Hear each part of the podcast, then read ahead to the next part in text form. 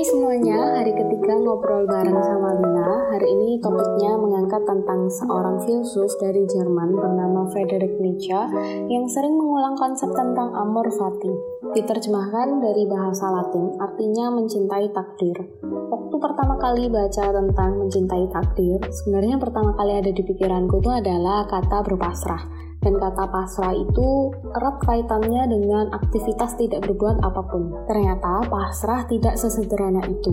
Berpasrah itu tidak semata-mata tentang menyerah atau tidak melakukan apa-apa. Lebih daripada itu, amor fati lebih menitik beratkan pada usaha kita untuk selalu memberikan yang terbaik untuk hal-hal yang ada di dalam kontrol kita dan selalu menerima apa pun hasilnya karena itu adalah sesuatu yang ada di luar kontrol kita. Sebagai manusia yang berakal budi dan berperasaan, perasaan seperti khawatir, terutama untuk hal-hal yang belum terjadi, pasti pernah kita alami. Konsep amor fati membentuk kita untuk percaya jika ada kekuatan di dalam diri kita, di mana kita bisa mengendalikan hal yang ada di dalam kontrol kita, seperti pikiran kita, bagaimana cara kita merespon terhadap suatu situasi, dan membiarkan lepas hal-hal yang ada di luar kontrol kita, seperti menerima apa pun hasil yang kita peroleh. Mencintai takdir bukan berarti membiarkan diri bermalas-malasan dan tidak berbuat apa-apa, namun selalu berusaha untuk memberikan yang terbaik di dalam setiap situasi. Make the best out of the situation.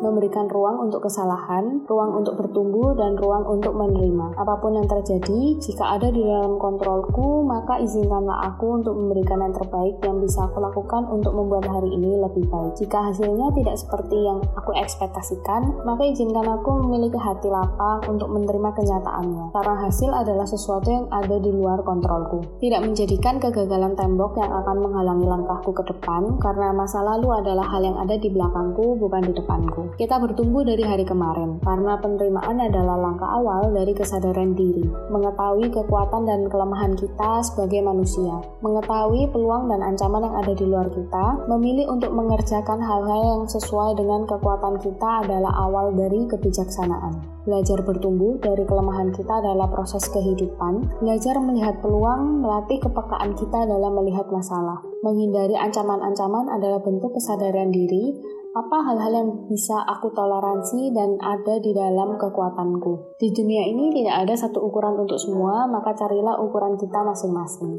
Thank you teman-teman buat yang sudah dengerin podcast aku sampai akhir. Hari ini hari minggu yang cerah dan cuaca hari ini mendukung banget buat beraktivitas di luar ruangan. Buat yang sudah mulai kerja besok, sekolah, atau melakukan aktivitas lain, semoga semua rencana teman-teman bisa berjalan dengan baik ya. Kalau kalian mau nulis pesan buat aku, bisa ditulis via email eleonoralinawati at gmail.com. Have a nice Sunday everyone. Bye.